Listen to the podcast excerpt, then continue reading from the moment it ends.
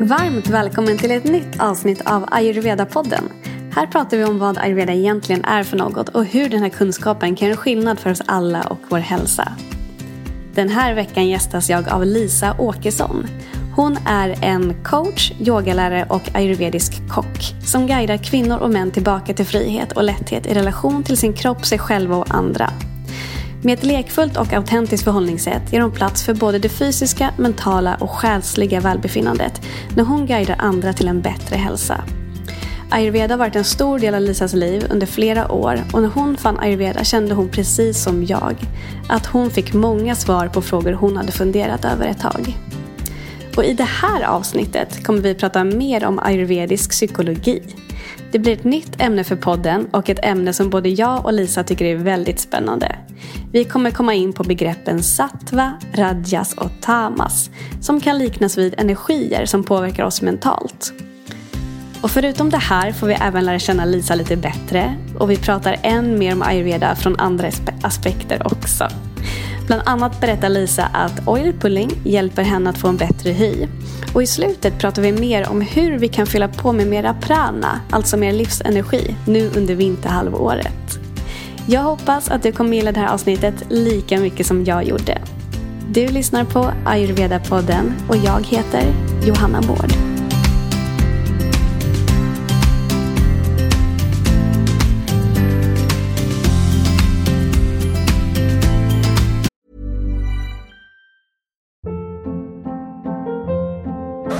Hold up. What was that? Boring. No flavor. That was as bad as those leftovers you ate all week. Kiki Palmer here, and it's time to say hello to something fresh and guilt-free. Hello Fresh. Jazz up dinner with pecan-crusted chicken or garlic butter shrimp scampi. Now that's music to my mouth. Hello Fresh. Let's get this dinner party started. Discover all the delicious possibilities at hellofresh.com.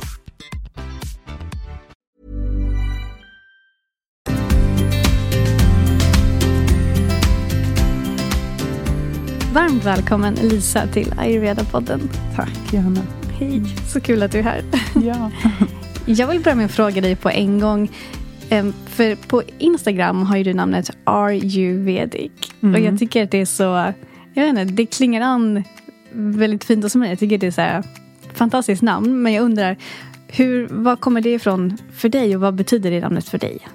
Det, det var någonting som, som kom till mig för länge sedan. Eh, jag tror jag hade någon workshop. Eh, och så liksom, ja, pratade vi om liksom just det här att det är inte någonting man gör kanske. Eller det är det också. Men att just att ayurveda får vara en livsstil. Att det inte bara är en diet eller någonting som man gör en use fast som man gör i två veckor och sen går man tillbaka till att göra saker som man gjort innan. Utan att det faktiskt är någonting som man kan integrera i sitt liv och att det är någonting man lever och är. Eh, så det är lite så jag har tänkt. Eh, Just det. Mm. Är du vedisk? Ja, Mm. alltså att det blir, eh, ja, men det blir någonting som är hållbart. Mm. Någonting som, som man faktiskt fixar att upprätthålla i vardagen på lång sikt. Eh, för det, ja, annars, alltså, jag tror många tenderar till extremer, man vill ha resultat snabbt och sådär. Och jag förstår det. Eh, men ayurveda fungerar inte riktigt så. Mm, nej, men precis. Det- Exakt. Det, det, man kan inte riktigt säga att man har gett ayurveda en chans som att säga ja, men jag provade det i två veckor. Det var inte min grej. Utan det, Mm. Ja. som, det som du säger, det handlar mer om en, ja, men en livsstil som faktiskt den är ju hållbar. Det funkar ju att, liksom, att leva med det. Mm. Jag tror jag kommer leva med ayurveda resten av mitt liv. Det är svårt att säga att jag skulle gå ifrån det. Liksom. det Ja, Ja. men jag hör det ganska ofta när, när folk hör, liksom hör talas om vad jag jobbar med. Så är det så här, ah, ja, jag provade det där ett tag. Jag Ja. gjorde eget smör och sen slutade jag. Eller så här, min mamma höll på med det ett tag och sen slutade hon. Jag tror att det är lätt hänt att man liksom gör för många förändringar på en gång. Man vill, liksom, vill så mycket och blir så inspirerad och så gör man, förändrar man hela sitt liv, hela sin rutin och hela sin liksom, kost och sådär. Och så håller det i två, tre veckor. Och sen så ger man upp och känner nej men det gav inte de resultaten jag Mm. ville ha. Och sådär. Så det, ja. Ja, så kan det säkert vara. Ja, när, när du pratar nu så tänker jag tillbaka på min egen resa. Det har verkligen varit en ganska långsam process. Mm. Där jag började med att dricka varmt vatten istället för kallt. Och sen så började jag äta mer varmlagad mat istället för kalla sallader och kalla smoothies. Mm. Som var en del av min kost och livsstil tidigare. Um, och sen har jag liksom, ja, de senaste eh, sex, sju åren liksom läst mer och mer och mer. Och jag lär mig fortfarande nya saker hela tiden. Mm. Det, är, det är så spännande tycker jag. Men, eh, ja, men alla som lyssnar på den här podden är intresserade av ayurveda. Så vi kan ju passa på att säga det, att ge det en chans. Mm. Det, är liksom, det är värt det. Tycker ju vi såklart, eftersom vi sitter ja. här. Men sen förstår vi också att ayurveda är inte Alltså det, är inte, det är för alla, men inte alla som tycker att det passar en. Mm. Så kan man säga också. Ja, och sen, sen är det liksom olika praktiker inom ayurveda passar kanske för olika personer. Mm. Och där, där får man nog vara ganska ärlig med sig själv också. Så här, vad, vad hinner jag med? Vad orkar jag med? Vad, liksom, vart, vad kan jag förändra som gör den största effekten? Och som är hållbart. Så att man, ja, så att man inte blir för hård mot sig själv där. Att det blir för mycket regler och sådär. Ett exempel, liksom, folk som dricker mycket kaffe. Sådär, det kan vara ganska svårt att ge upp det. Och är, är det liksom inte det man... Är man inte villig att ge upp kaffen, så börja inte med det då. Börja med något annat som kan göra stor skillnad. Mm. Uh, ja, så att man får, liksom, och där är det jättebra att jobba med någon som har koll på det här och som kan liksom känna av, så här, okej, okay, liksom, beta av och titta så här, vart kan vi göra skillnad? Vad är hållbart? Och vad, var ska vi börja? Liksom. Mm. Och så börjar man där och så tar man det steg för steg. Sen. Mm. Ja. jag gillar det du säger. Ja. Verkligen. Ja. Mm. Och um, det händer ju gång på gång att jag får frågan eh, ayurveda, vad är det för något? Mm. Jag antar att du har fått den frågan många gånger också. Och jag kan mm. tycka det är lite svårt att svara på, för det beror ju på vem som frågar, mm. vad den personen är intresserad av. Och att beskriva ayurveda med, med två meningar, det är, jag kan tycka det är lite utmanande ibland. Så därför mm. vill jag istället fråga dig, vad betyder ayurveda för dig? Mm. Um, jag tycker om att tänka på ayurveda som ett, um, ett språk liksom ett, ett, ja, ett språk, ett uttryck för hur naturen utanför sig, utanför oss, eller liksom naturen, när vi pratar om naturen tänker vi liksom skog och djur och sådär. Hur det, liksom det fungerar och hur det speglar hur vi fungerar. Så man tittar på elementen i naturen och hur elementen visar sig i oss. För det ger oss en väldigt, det kanske låter flummigt, jag vet inte, men det ger oss en väldigt tydlig bild av vad som faktiskt händer i oss och hur de här olika eh, motsatserna i naturen, liksom varmt, kallt, tungt, lätt, skarpt, mjukt. Alltså de här kontrasterna som finns och hur de speglar sig i mat, i aktiviteter och i vårt sinne, i vår matsmältning. Om vi förstår det så kan vi också förstå hur vi kan skapa balans i vår kropp. Mm. För att har vi för mycket tyngd till exempel i kroppen, då vet vi okej, okay, vi behöver göra aktiviteter, äta mat, saker som lättar upp kroppen. Har vi för mycket vätska, samlar vi på oss vätska i kroppen, ja men då behöver vi mer torrhet.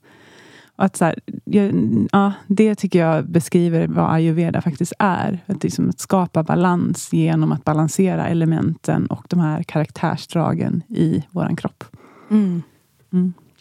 Ja, fint beskrivet. Och det är liksom här, varje gång jag hör någon prata om ayurveda så bara, just det, så kan man tänka. just det, så kan man säga också.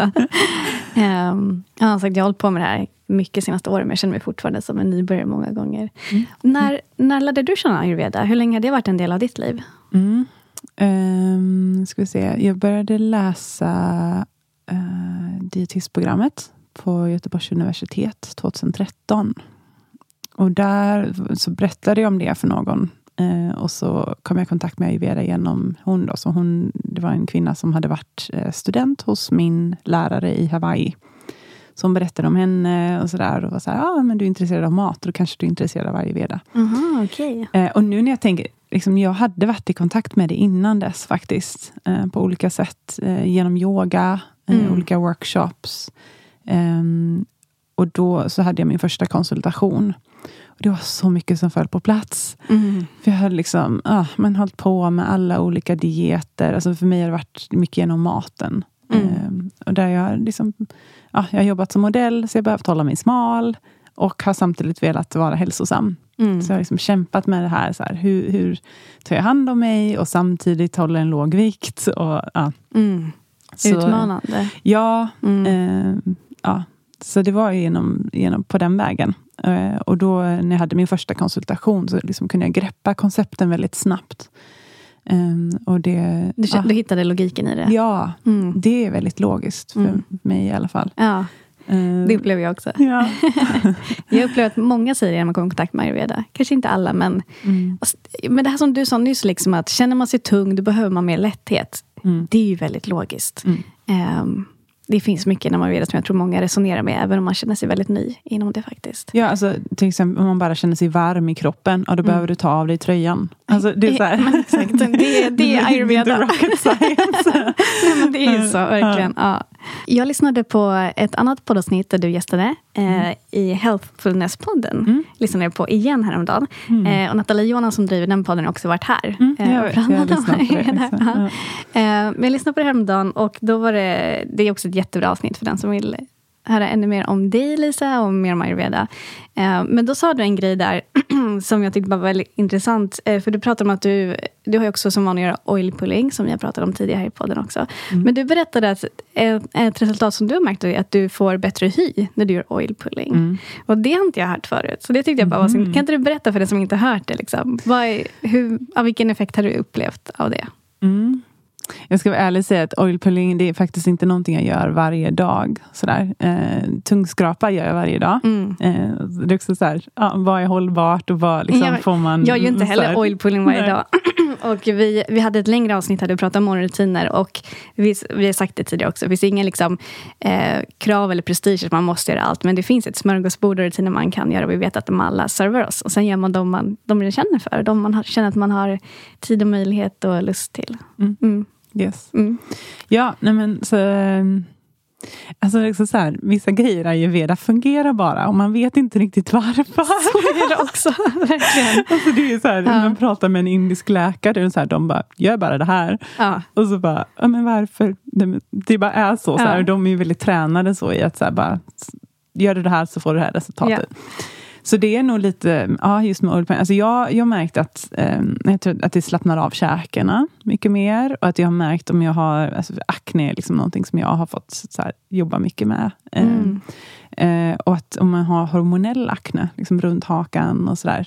Det har jag märkt eh, försvinner med oilpulling. Det tycker jag är jättehäftigt. Ja, så jag ja. vet inte om det hänger ihop med att det är toxiner liksom, som dras ut ur munnen och att det hänger ihop med att hyn blir bättre.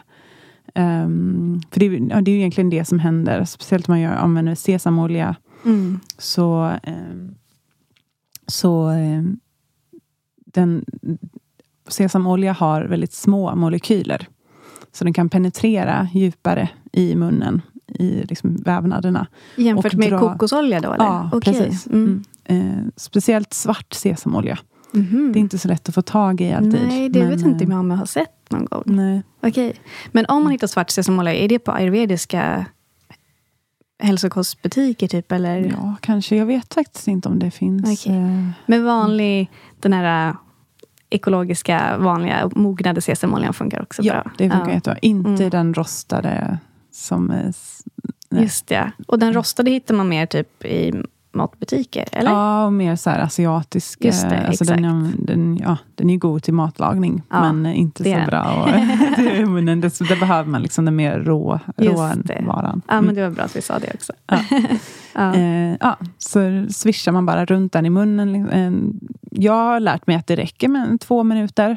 Eh, så här, en del säger man måste göra det i 20 minuter, annars får man inget resultat. Och, ja. äh, det vet jag inte om det stämmer riktigt. Men, ja.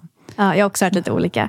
Eh, sist jag träffade en ayurveda-läkare eh, här i Stockholm, bara några veckor sedan, då var vi på ett föredrag på indiska ambassaden. Mm. Eh, för att vi var där och firade Diwali. Mm. Eh, och då sa hon det, hon bara två minuter oil pulling, det räcker liksom. Yeah. men desto längre kanske man får mer effekt. Men ja. Yeah. Mm, nej, men jag lyssnade på det här avsnittet häromdagen eh, och blev ännu mer inspirerad. Så sen dess har jag kört oilpulling. Yeah, jag har också det, kommer ibland. Men samtidigt, egentligen oilpulling är väldigt lätt att göra. För du gör ju det samtidigt som du gör massa annat. Yeah. Så i morse, jag gjorde oilpulling eh, nästan 20 minuter i morse. Och det gör det samtidigt som jag eh, liksom, fixade massa andra morgonrutiner. Um, så det... Ja, om man inte ja. tycker om att prata på morgonen så är det en bra ursäkt. det är sant. det också. Ja. ja. Funkar. Precis. För det är svårt att prata när man gör oil pulling. Sant. Mm. Ja. mm.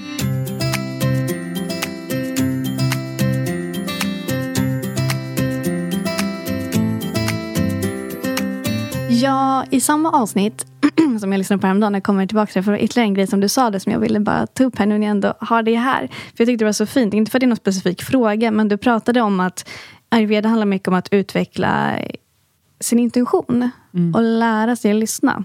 Mm. Och liksom att bli mer självmedveten om att säga, hur reagerar jag i den här situationen? Och vad, vad behöver jag nu? Och att det i sig är en ganska stor resa i att, liksom, i att våga stanna upp och känna efter. Så här, men vad händer nu och vad behöver jag nu? Mm. Och vad, vad kan vara orsaken till att jag reagerar så här? Och vad, vad kan få mig att hamna mer i balans om man känner att man är lite ur balans? Mm. mm. Så vill du bara berätta, när jag säger det här nu, vad, vad kommer upp i dig då? Mm. Men jag, tänker, ehm, jag tänker på situationer som kan vara triggande eh, alltså psykologiskt. Att så här, man får ett besked som kan vara jobbigt. Um, alltså det, det, är, det är som meditation i vardagen. Liksom. Uh, så det, det, ayurveda handlar inte bara om kroppen utan också om sinnet jättemycket. Mm. Mm. Så att um, men precis som i meditation, att man sitter och blir medveten om vad tänker jag, hur känner jag, vad har jag för sensationer på kroppen. Att man också kan göra det i vardagen. Mm. Bli nyfiken där. Att istället för att här, gå in i känslan och bli ett offer och känna sig, åh, tycka så synd om sig själv för att man känner så här. Att istället våga titta på det med nyfikenhet. Man säger, jaha, reagerar jag så här? Mm. Jaha, nu vill jag svara så här. Och nu vill jag, åh, nu känner jag så. Mm. Oj, och nu blir jag jätteledsen. Jaha, vad behöver ledsamheten för att uttrycka sig? Och att så här, låta det hända lite mer. Mm. Inte så här, försöka hänga kvar i, um, i känslan. Och också tanken och känslan föder varandra. Liksom. Mm, absolut. Mm. Jag, kan ju, jag kan ju förstärka en känsla genom att tänka någonting.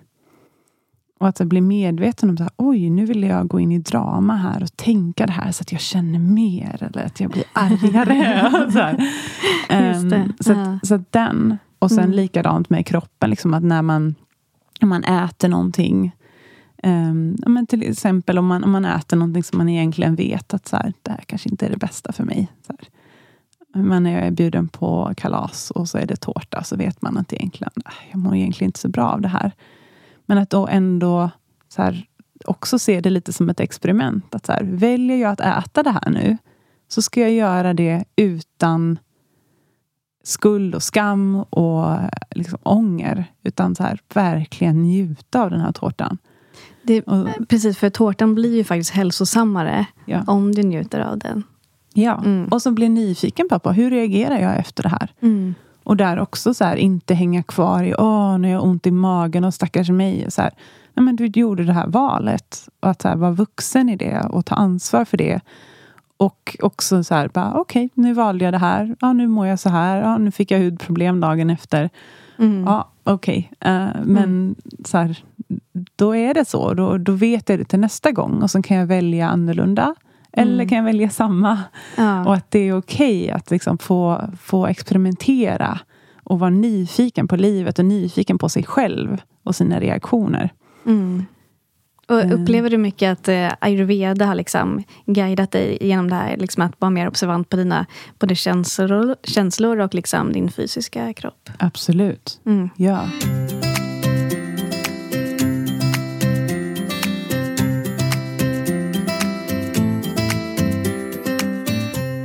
Kära du som lyssnar. Jag är så glad att du är här och att du tar del av det vi har att dela med oss av och att vi får göra det här tillsammans med dig. Jag tycker att det är jättekul när vi hörs ännu mer, när du hör av dig till mig. Och um, jag tycker det är fint att få skapa en, en uh, en ännu starkare connection. Och därför har jag kommit på idén att jag vill starta en typ av bokcirkel tillsammans med dig som känner dig sugen på det. Men det kommer vara begränsat antal platser. Så om det här är tilltalande för dig så hör du av dig. Så kommer jag berätta ännu mer. Men det kommer börja i någon gång under januari efter årsskiftet. Det kommer ske digitalt, så var du än är i Sverige så kommer du kunna ta del av det. Vi kommer läsa en bok om ayurveda och en gång i veckan kommer vi ha träffar digitalt då, där vi följer upp det vi har läst. Vi kommer diskutera vad, är det, vad innebär det här, vad kan vi lära oss av det, hur kan vi praktisera det, hur kan vi använda det i praktiken. Och jag kommer vara med under alla träffar så du har chans att lära känna mig än mer. Du har chans att ställa alla frågor till mig och du kommer lära dig enormt mycket mer om ayurveda. Så det här är för dig som vill skapa en mer relation med mig eh, och som vill lära dig mer om ayurveda och göra det tillsammans med andra eh, där vi ses digitalt. Så om det här tilltalar dig, hör av dig till mig. Och Det gör du antingen via johanna.javeda.se eh, eller så skriver du till mig på Instagram. Eh, det heter Ayurveda-podden. Så antingen ett mejl till johanna.ayurveda.se eller skriv till mig via Instagram. Det heter Ayurveda-podden. Så kommer jag ge dig mer information. Och som sagt, begränsat antal platser. Så det är först till kvarn som gäller. Mer information får du när du hör av dig. Och nu tillbaka till avsnittet.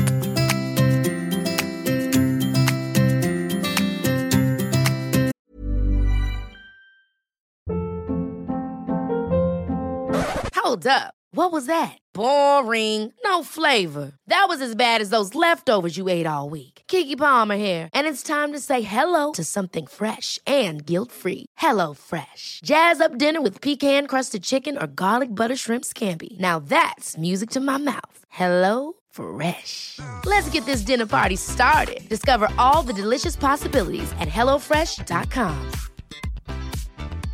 Quality sleep is essential. That's why the Sleep Number Smart Bed is designed for your ever evolving sleep needs. Need a bed that's firmer or softer on either side? Helps you sleep at a comfortable temperature? Sleep Number Smart Beds let you individualize your comfort so you sleep better together. JD Power ranks Sleep Number number 1 in customer satisfaction with mattresses purchased in-store. And now, save 50% on the Sleep Number limited edition Smart Bed for a limited time. For JD Power 2023 award information, visit jdpower.com/awards. Only at a Sleep Number store or sleepnumber.com.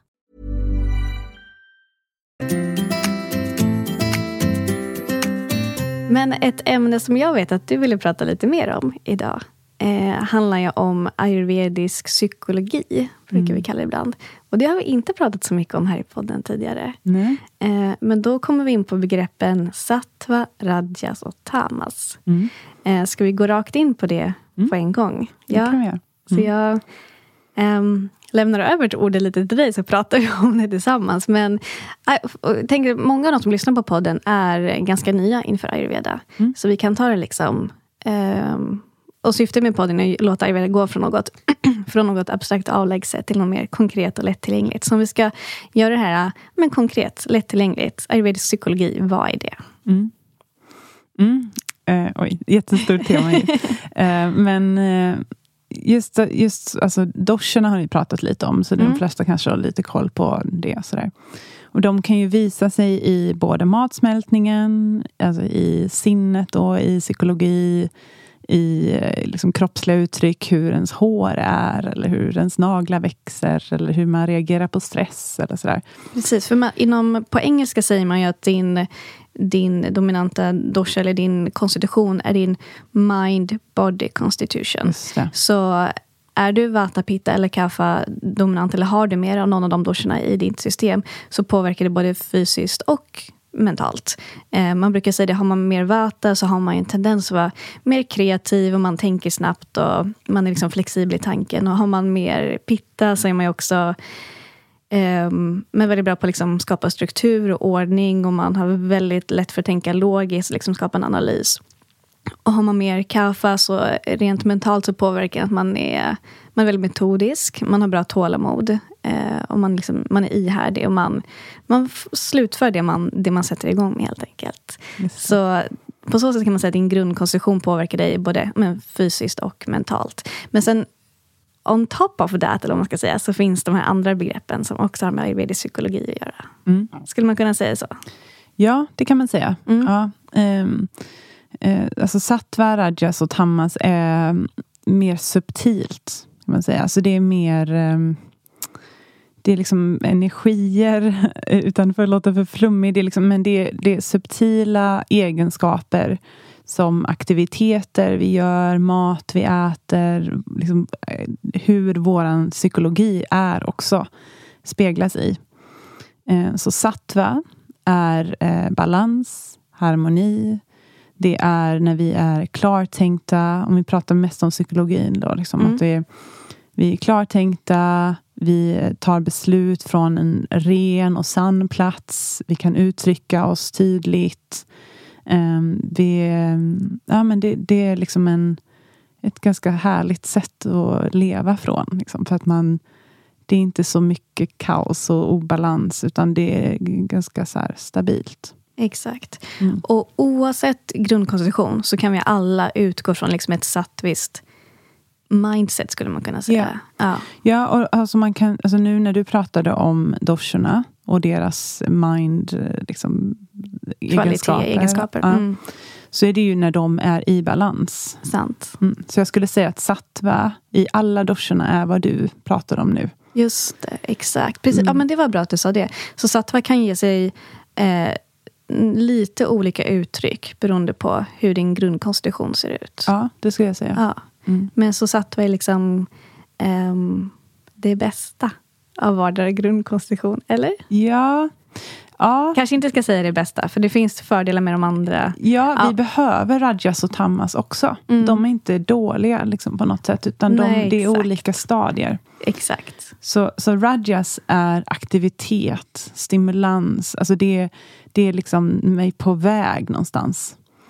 Eh, så i, i sinnet är det också när, när vi liksom behöver processa någonting, vi behöver bryta ner information. Alltså då behöver vi rajas för att liksom förstå saker och sådär. Eh, Medan tamas är eh, stillstående. Alltså så då är det mer eh, alltså sömn är tamassiskt. Till exempel. Mhm. Och vi behöver ju det också. Vi behöver ju vila med. Och vi behöver för att kunna ta oss från tamas, behöver vi rajas för att komma till sattva. Just det. Så att, liksom för, att, för att vakna på morgonen, komma från tamas, så behöver vi stimulans. Vi behöver ställa oss upp, vi behöver röra oss, vi behöver liksom starta igång för att kunna hitta sattva också. Mm. Så det, det är inte bättre eller sämre. Nej, men det är bra Mm. att du sa det. Mm. Men Mm. ham, eh, hamnar vi för mycket i antingen tamas eller rajas, då mår vi oftast inte så bra. Mm. Vad kan hända då? då?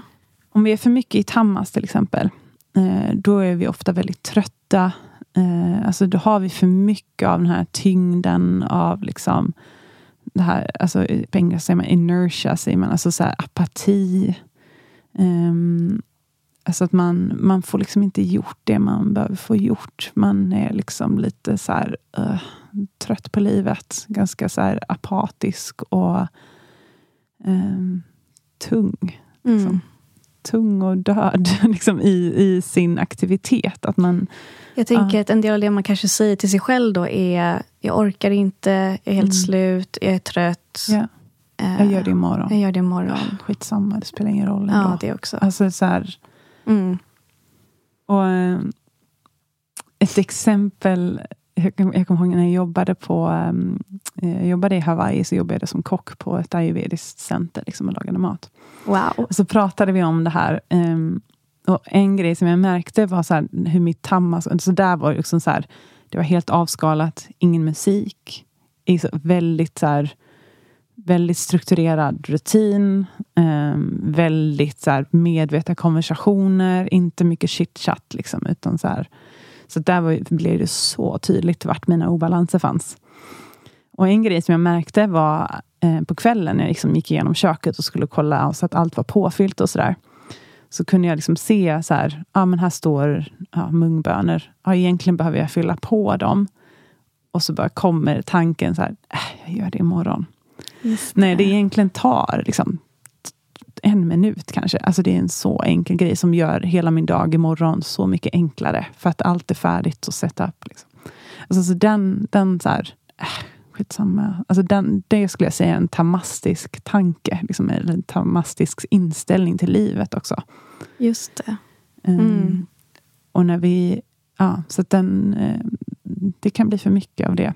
Mm. Och, det och, liksom, och där behöver vi Rajas som kommer in och säger nej, jag gör det nu direkt. Liksom. Där behöver vi den här aktiviteten Mm. för att vi ska komma till ett tillstånd där vi är balanserade. Där vi har tagit hand om det vi behöver ta hand om. Just där vi det. vet att vi kan lita på oss själva. Mm. För att vi får gjort det vi säger att vi ska få gjort. Mm. Så, eh, ja, och för mycket Rajas då, eh, då, när det är för mycket stimulans. Man läser för mycket, lyssnar på för många poddar, för mycket intryck, för mycket sociala medier, liksom för mycket stimulans. Det är fantastiskt att vi har tillgång till så mycket information och kan lära oss om så många olika saker. Men när det blir för mycket av det, då kan vi nästan gå tillbaka till Tammas. Mm. Att det blir liksom, vi är så överstimulerade att man istället bara "Äh, jag orkar ingenting. Alltså så här, att det blir... Jag orkar inte Man känner sig slutkörd då igen. Ja, Mm. precis. Man Mm. liksom tröttar ut sinnet med för mycket information och för mycket stimulans. Mm. Alltså jag eh, lyssnar på dig nu och tänker att ayurveda formulerades ju första gången för närmare 5000 år sedan. Jag tänker att redan då hade de de här begreppen. Mm. Och liksom då pratade de med människor att så här, tänk på att du inte, att inte överstimulera dina sinnen. För det kan göra att du hamnar i lite eh, ja, men psykologisk obalans, skulle man kunna säga. Och jag bara tänker att om de människorna som lärde ut det för några tusen år sedan skulle bara hoppa in i vår vardag idag. De skulle ju bli... Alltså de, jag vet inte hur de skulle reagera när de bara fick veta hur mycket sinnesintryck vi, vi får en vardag i våra liv idag. Med liksom all teknik och våra smartphones och alla relationer, alla människor vi möter och bara saker vi har runt omkring oss. Och om vi åker buss eller bil, hur mycket liksom vi möter i vår blick och liksom ljud som är runt omkring oss hela dagarna. Det är så mycket. Ja. Och tänk att redan, redan då på den tiden så pratade man med människor och liksom så här, var vaksam på hur, att du inte liksom överstimulerar dina sinnen. Ja. Ja. Och jag märker själv hur lätt det är att hamna där. Liksom att alltid lyssna på någonting, att alltid ha musik på eller alltid podd på. Samma här. Eh, Alltså det är, men det är en vana. Och så, jag lyssnar mycket på musik som jag upplevde jag mår bra av. Jag lyssnar mycket på poddar som jag upplevde jag mår bra av. Men det finns också ett värde i att bara stänga av och låta det vara tyst en stund. Mm. Igår när jag skulle gå hem så hade jag väldigt lågt batteri på telefonen. Så jag bara, men jag kan inte lyssna på någonting för jag behöver tunnelbaneapp, eh, liksom biljetten på telefonen. Så här. Och det var så skönt att bara gå genom stan. Så bara regnade lite, det var så frisk luft. Och så bara gå i tystnad och bara, bara titta sig omkring. Och bara, så här, alltså det är så mycket intryck bara, bara utan liksom, podd eller musik. Mm. Det är så skönt att få de pauserna. Mm. Jag vet, eh, när jag, jag var tre veckor upp och norr om Rishikesh för några år sedan. Eh, uppe vid Himalayas fot. Ehm, och eh, ja, men var där i tre veckor. Yoga, meditera mycket och gjorde en panchakarma också. Ehm, och det var en jättespeciell resa för mig. Ehm, och jag minns så väl när jag kom hem att då mitt sinne var så... Det hade blivit så typ nollställt där.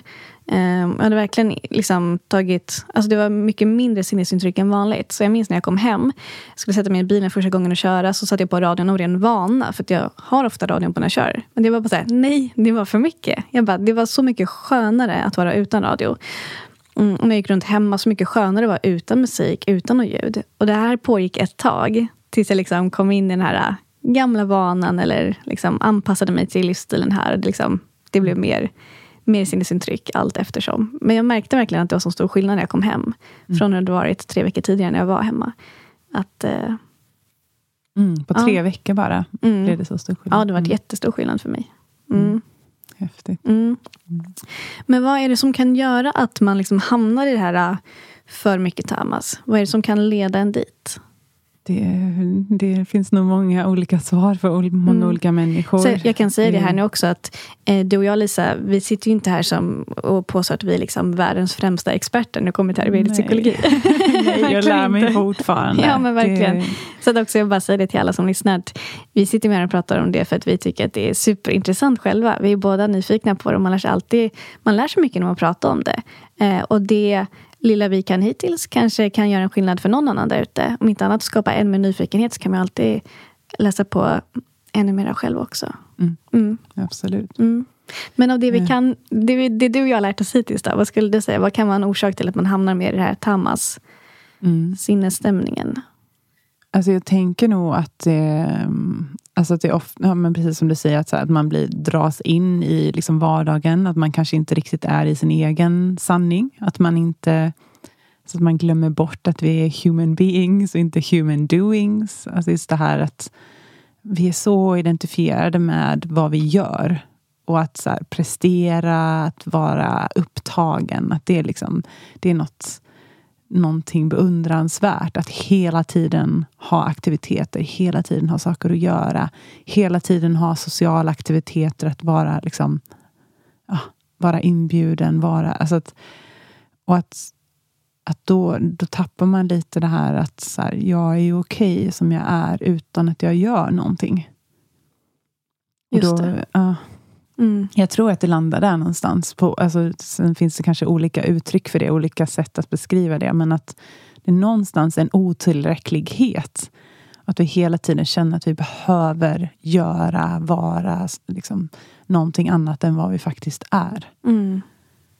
Och att ofta behöver vi... Det är så ofta hör folk hör, fråga så här, vad, men vad ska jag göra? Jag har det här problemet. Vad behöver jag göra? Du behöver göra mindre oftast. Just det. Det snarare än att du behöver äta mer gurkmeja eller äta mer ashwagandha. Eller gör, alltså så här, ta någonting för att fixa det. Eller göra någonting för att fixa det. Så det är nog snarare att vi behöver göra mindre. Ta mindre, äta mindre. Se vad du kan skala bort. Ja, Mm. precis. Man pratar inom ayurveda också att när man identifierar en obalans, nummer ett är liksom skala bort det som skapar obalansen. precis. Och sen lägga till någonting som kan vara läkande. Ja. Mm. Vilket också är väldigt logiskt. För om du vet med dig att, om man måste ta något enkelt exempel, att du har mycket stress. Identifiera vad det är som stressar dig. Mm. Och liksom försök att hantera det först. Innan du liksom, ja, men, tar ashwagandha eller mer magnesium eller gör någonting annat. Liksom, eller, eller lägger till meditation. Liksom. Alla de grejerna är bra också. Men ta hand om liksom, det som orsakar problemet först. precis. Mm.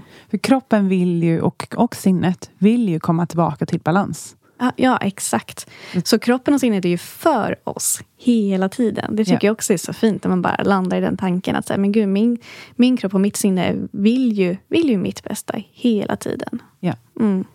Och det är vi som kommer i vägen och liksom ja, gör massa grejer som tar oss ur balans. Ja, verkligen. Så det sluta, sluta göra det som tar dig Mm. ur balans. Liksom. Sluta Mm. göra de sakerna som du vet inte är bra för dig. Det är lättare sagt än gjort kanske. Men eh, Mm. Mm. jag tror det landar där någonstans. Ja, kan det vara också så, vi, alltså mind body hänger ju jättemycket ihop. Mm. Eh, kan det vara så också att man hamnar med det här eh, tamas, eh, om man rent fysiskt är lite mer stagnerad också. Om man Absolut. liksom inte får igång cirkulationen eller om man har liksom en livsstil där man är mycket stillasittande, där man liksom inte fysiskt tar tag i saker. Absolut. Det är lättare oftast att börja med kroppen än med sinnet. Just det. Att det är svårt att förändra sin, sin tankeprocess. Och så. Det, det kräver ganska mycket tid i meditation och medvetenhet. Absolut. Mm. Så att, ja, alltså att börja med att ta hand om kroppen. Precis som du säger, äta bra, röra på sig, sova bra. Alltså bra balans mellan vila och aktivitet. Eh, ja, an, andning. Alltså, andning är ju så kraftfullt. Det är så enkelt, men så kraftfullt. Mm. Berätta mer om det. Jag tänker så här, om man har mer tamas, eh, hur kan man använda andning för att liksom, ja, hjälpa sig lite mer mot radjas och sattva? Mm. Och återigen, inte för att tamas är mindre bra, utan för att vi behöver de andra två också. Ja, för att man Mm. har för mycket tamas. bara. Mm, Mm. Exakt. Precis, så då, då kan man ju tänka, okej, har jag för mycket tamas? Då behöver jag någonting rajastiskt för att ta mig till sattva. Så då är det andningsövningar som är lite mer stimulerande. Alltså breathwork. Eh, det kan vara mm, kapalabhati. Det eh, finns en pranayama-övning som heter eh, där man andas ganska snabbt ut genom näsan man blåser liksom ut genom näsan och trycker in genom magen. Mm. Det ska det man det inte göra om man är gravid och sådär. Så Nej, det, just det, ja. exakt. Men det är det som på svenska kallas för eldandning. Ja, precis. Mm. precis. Så det är mm. sanskrit-namnet på den. Mm. Så sådana övningar som liksom aktiverar kroppen och stimulerar elden inom oss eh, liksom, ja, man tänker aktivitet, stimulans, rajas. Det är eld, liksom, eldelementet som vi ökar i kroppen då för mm. att komma till sattva. Mm. Alltså bara när du säger det tänker jag också att det är, alltså jag fascineras av den här kunskapen. Att det där, man kommer på sig själv, så här, men jag, jag känner mig låg. Liksom. Jag känner mig lite nedstämd. Okej, okay, men jag andas på ett särskilt sätt. Så kommer det, ja. kommer det liksom förändra min tankeverksamhet. Och det är ju så.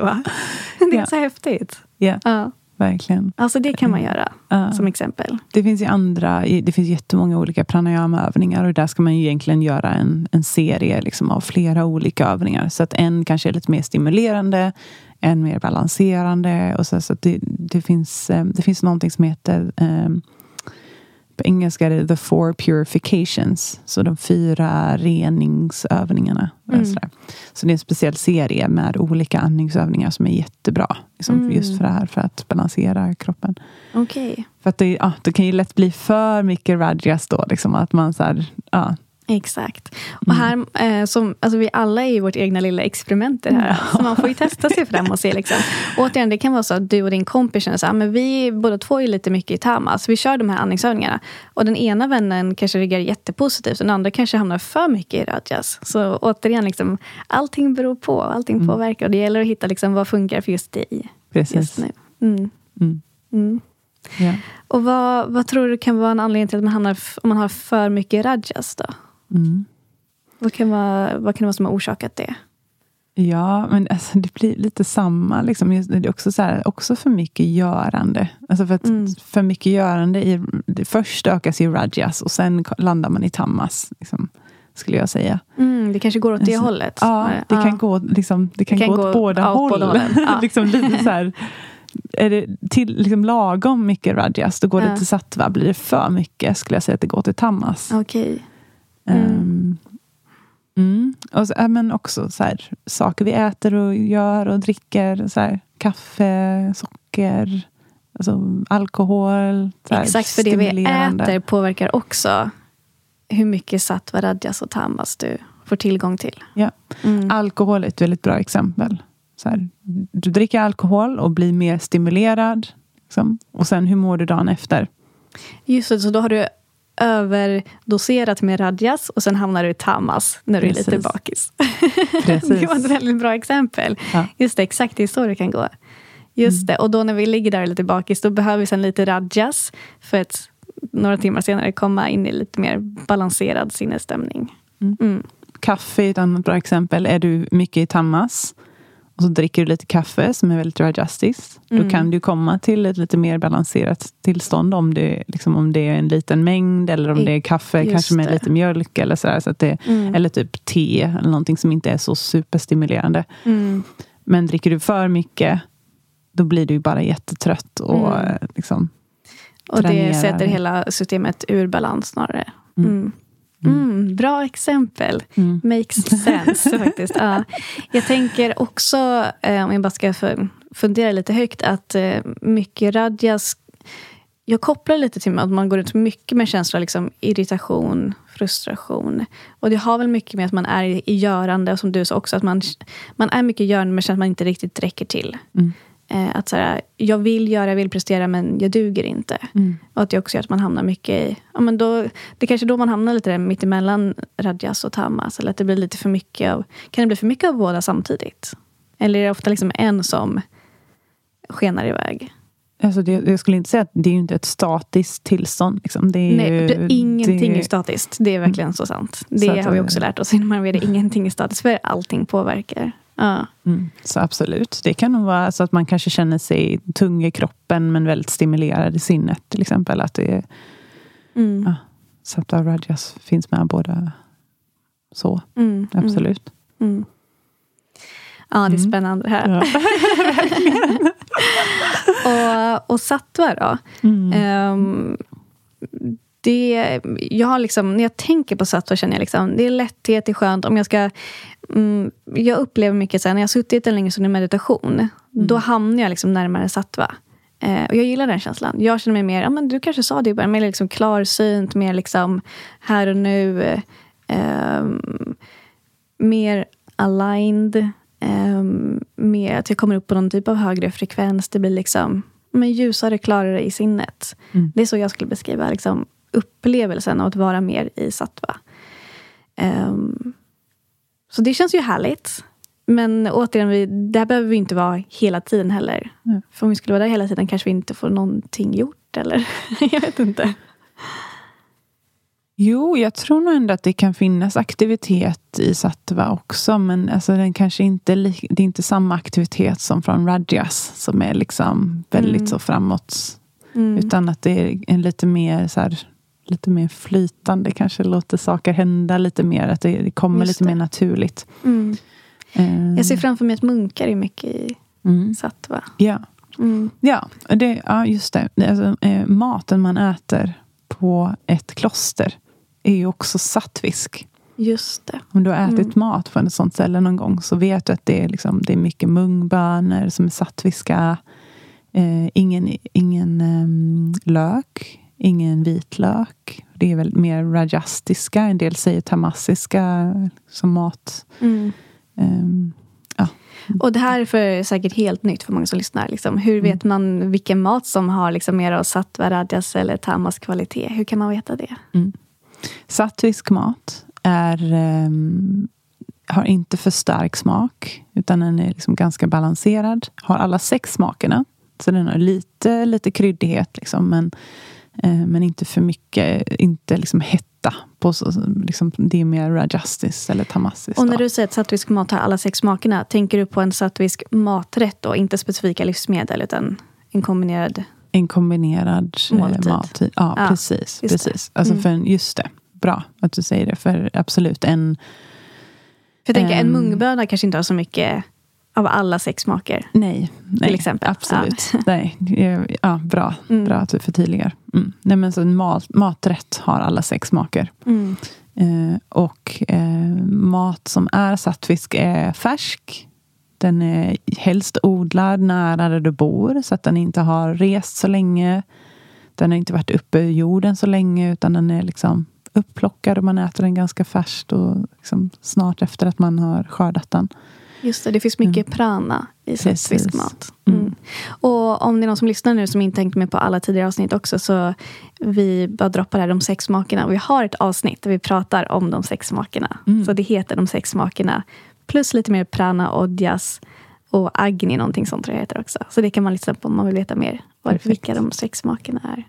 Ja, men så eh, mer av prana, närodlat och liksom men färsk mat. Det är mer sattvisk mat. Mm. Mm. Ja, och mat som, ehm, som är lätt tillagad.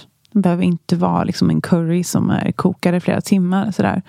Men om man, ehm, en broccoli är ett bra exempel. Om man tillagar en broccoli så skiftar den lite färg. Den går liksom från det här riktigt ljusgröna till lite mörkare. Då har liksom pranan i grönsaken aktiverats. Mhm. Och den är liksom mer sattvisk för att den är lättare att ta upp för kroppen. Mhm, intressant. Det är därför man inom ayurveda pratar mer om att man ska tillaga mat. Precis. Mm. Mm. Okej, så prana blir mer lättillgängligt när vi tillagar våra, våra livsmedel. Ja, precis. Mm. Och då är den också mer sattvisk maten. Liksom att den, för den är mer balanserad. Vi får till oss mer av nä- näringsämnena i maten. Mm. Eh, och får mer energi. Och liksom kan leva, får mindre sideffekter. Liksom mindre gas och mindre magproblem. Och sådär. Och då är Mm. det också ett sattviskt liksom, sätt att, för kroppen att vara. Då, Mm. liksom, när vi inte har de här distraktionerna. Just det. Mm. Mm. Har du någon Mm. egen liksom, upplevelse, erfarenhet av de här olika... Jag kallar det sinnesstämning, kan man säga det? Ja, Om du bara ska måla upp en bild, liksom, hur känns det för dig när du är i Molika och vad har hänt då? Bara för att förtydliga det än, än lite mer. Mm. Ja, nej men, ja, jag kan ta ett exempel när jag, em, jag också när jag hade varit i Indien och också gjort en eh, panchakarma. Eh, Och för de som inte vet vad det är så är det en eh, reningskur som man gör under några veckor. Mm. Och där jag också var så otroligt sattvisk liksom, i sinnet. Så klartänkt och... Ja, och då, då, då blev det väldigt tydligt vad som var rajastiskt och tamastiskt. För att jag, det kändes som att jag kunde skiftas enklare mellan dem. Att det var lättare att... Så här, jag stannade inte i rajas så länge. Utan den var ganska lättillgänglig för att sinnet var så kristallklart. Och då kunde jag enklare bara gå till tammas, liksom gå till vila när jag behövde det. Så det var... Ja, så att jag tror att... Jag, Och där tänker jag också att så när man gör den här panchakarma, det är väldigt mycket liksom, fysiska behandlingar. Eh, mycket med massager med oljor som är medicinerade eller preppade med olika örter till exempel. Och, ja, men, den typen av behandlingar. Så man jobbar mycket med kroppen. Och det påverkar ditt psyke så mycket. oh, ja. Återigen bara så här feedback på att allting hänger ihop. ja. Mm. Det är spännande att vi båda haft väldigt liknande upplevelser när det kommer till just det. Det kan jag tänka mig att många andra som har gjort panchakarma, att eh, man upplever en, en klarhet efter det, absolut. Verkligen. Jag Mm. kan passa på att nämna också, jag ska faktiskt hålla ett retreat i Indien nästa år. Är det eh, med en sant? panchakarma-kur Ja, med en grupp. Ja, men det har jag ju sett på dina sociala medier, just det. Men berätta mer om det för den som vill veta. Ja, Ja. så, så det, det som jag, jag gör det tillsammans med en kollega som bor i Rishikesh nu. Så hon Mm. är från England, så hon har bott i Europa och så nu har hon flyttat tillbaka till Indien. Så hon har indiskt eh, ursprung. Så att hon förstår liksom båda de här världarna väldigt väl. Mm. Eh, så otroligt kompetent, jätteduktig kvinna. Eh, och eh, det vi båda har märkt när vi har gjort våra panchakarma är att i Indien har de inte så bra koll på liksom, den mentala biten när man går igenom en sån här process. De är väldigt duktiga på det fysiska. Jätteduktiga på behandlingar, på mat och så här. Och just det här, säg till vad du ska göra.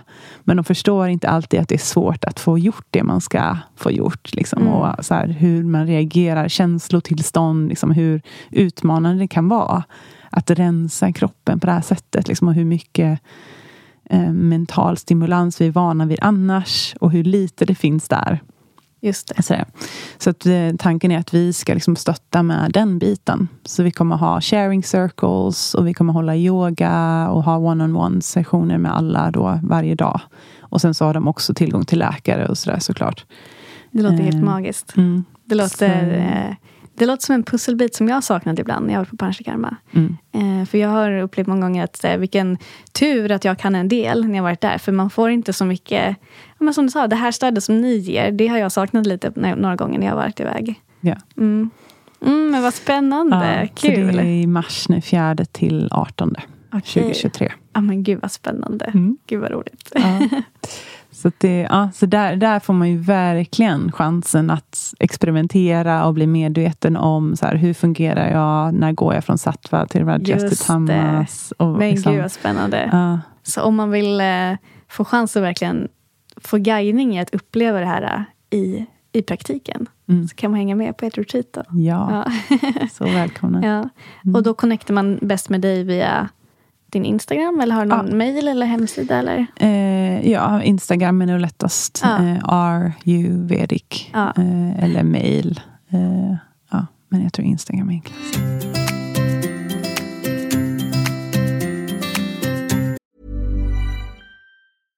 Ever catch yourself eating the same flavorless dinner three days in a row?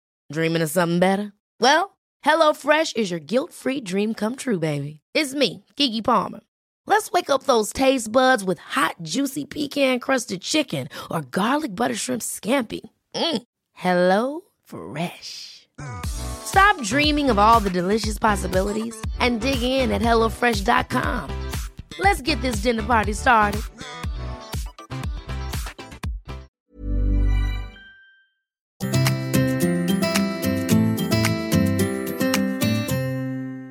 Men så då vet vi hur vi kommer i kontakt med dig. Eh, alla som lyssnar som vill göra det. Eh, och jag rekommenderar att följa eh, dig Lita på Instagram oavsett om man ska med på retreat eller inte. För det, det är mycket fint content där också.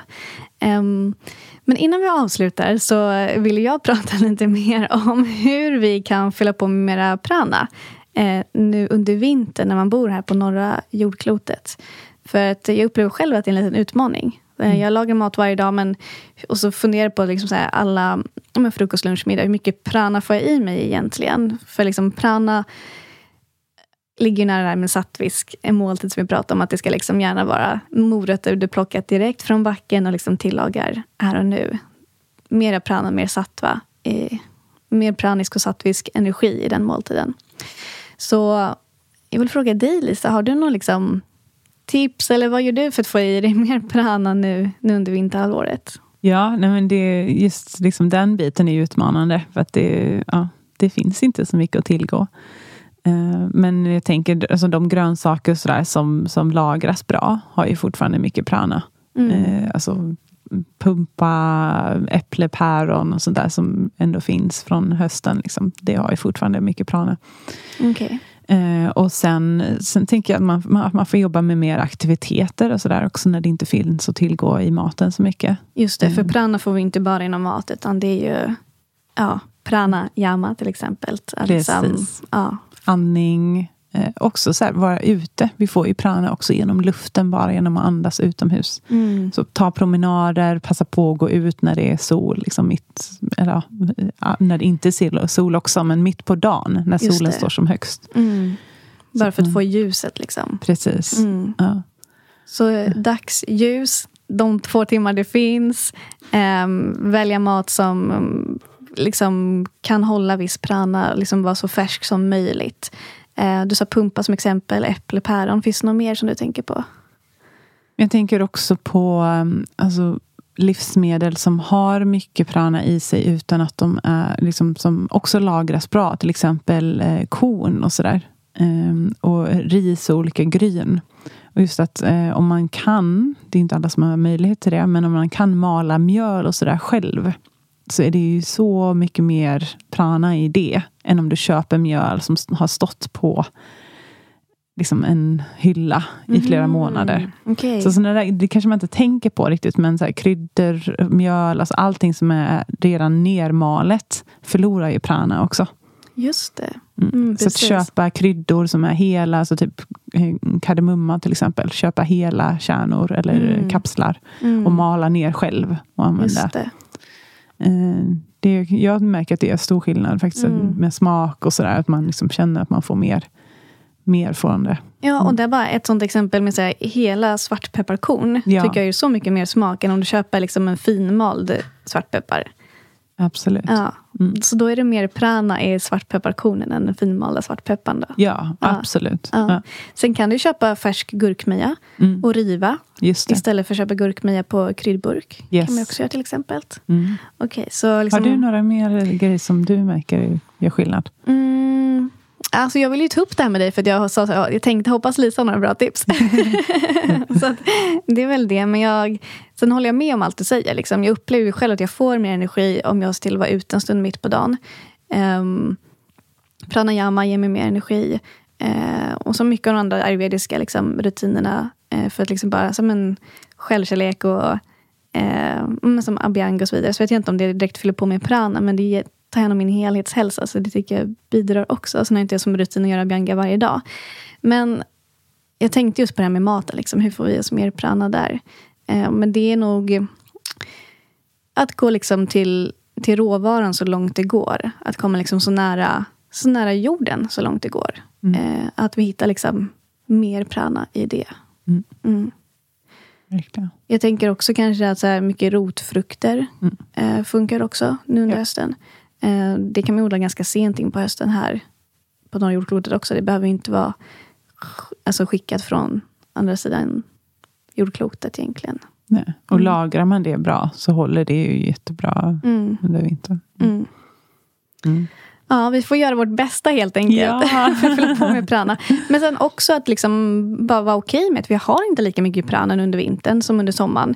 Så här, vi inom situationstecken ska inte ha det, eller kan inte riktigt ha det. För det finns inte, alltså vi har inte tillgång till lika mycket färsk frukt och grönt eller solenergi. Det, alltså det är inte så konstigt att man går lite ner i, i tempo. Eh, går, går lite ner i energi under mm. vintern. Och då istället för att liksom försöka pusha sig och prestera på samma sätt som under sommarhalvåret. Bara lyssna in. Det är mycket yeah. det ayurveda handlar om, som vi har varit inne på här många gånger idag också. Att här, lyssna in. Vad, men hur, liksom, vad har du för kapacitet idag? Och Det är också en av de första eh, självreflektionsfrågorna som man inom ayurveda säger att man ska ställa till sig själv när man vaknar på morgonen, redan när man ligger i sängen. Liksom. Hur är min, men vad har jag för kapacitet idag? Hur mm. känns min energi? Och sen anpassa aktiviteterna utefter det. Så att man, för annars, annars har man ju slut på sig själv. Ja. Ja, och dit ja. vill vi ju inte komma. Nej, nej. Då, då, får vi ju verkligen inte mer prana. Nej, men nej, ju, exakt, ja. exakt. Mm. Så bara vara okej med att det är vinter nu. Ja. Och det är lite långsammare. Och det, det, det är så det är. Precis som naturen går i det och vilar, liksom, så är det okej att vi också gör det. Mm. Mm, verkligen. Så med det avslutar vi det här avsnittet. Um, tack så jättemycket Lisa för att du har varit här och delat med dig av din erfarenhet och din kunskap. Tack själv, jätteroligt att få komma. Ja, tack. Få nörda ner sig lite i ayurveda. Ja, visst är det kul. ja, tack. Och tack till dig som har lyssnat. Om du gillade det här avsnittet så dela det med dina vänner som du tror kommer uppskatta det. Och ta hand om dig så hörs vi snart igen. Namaste.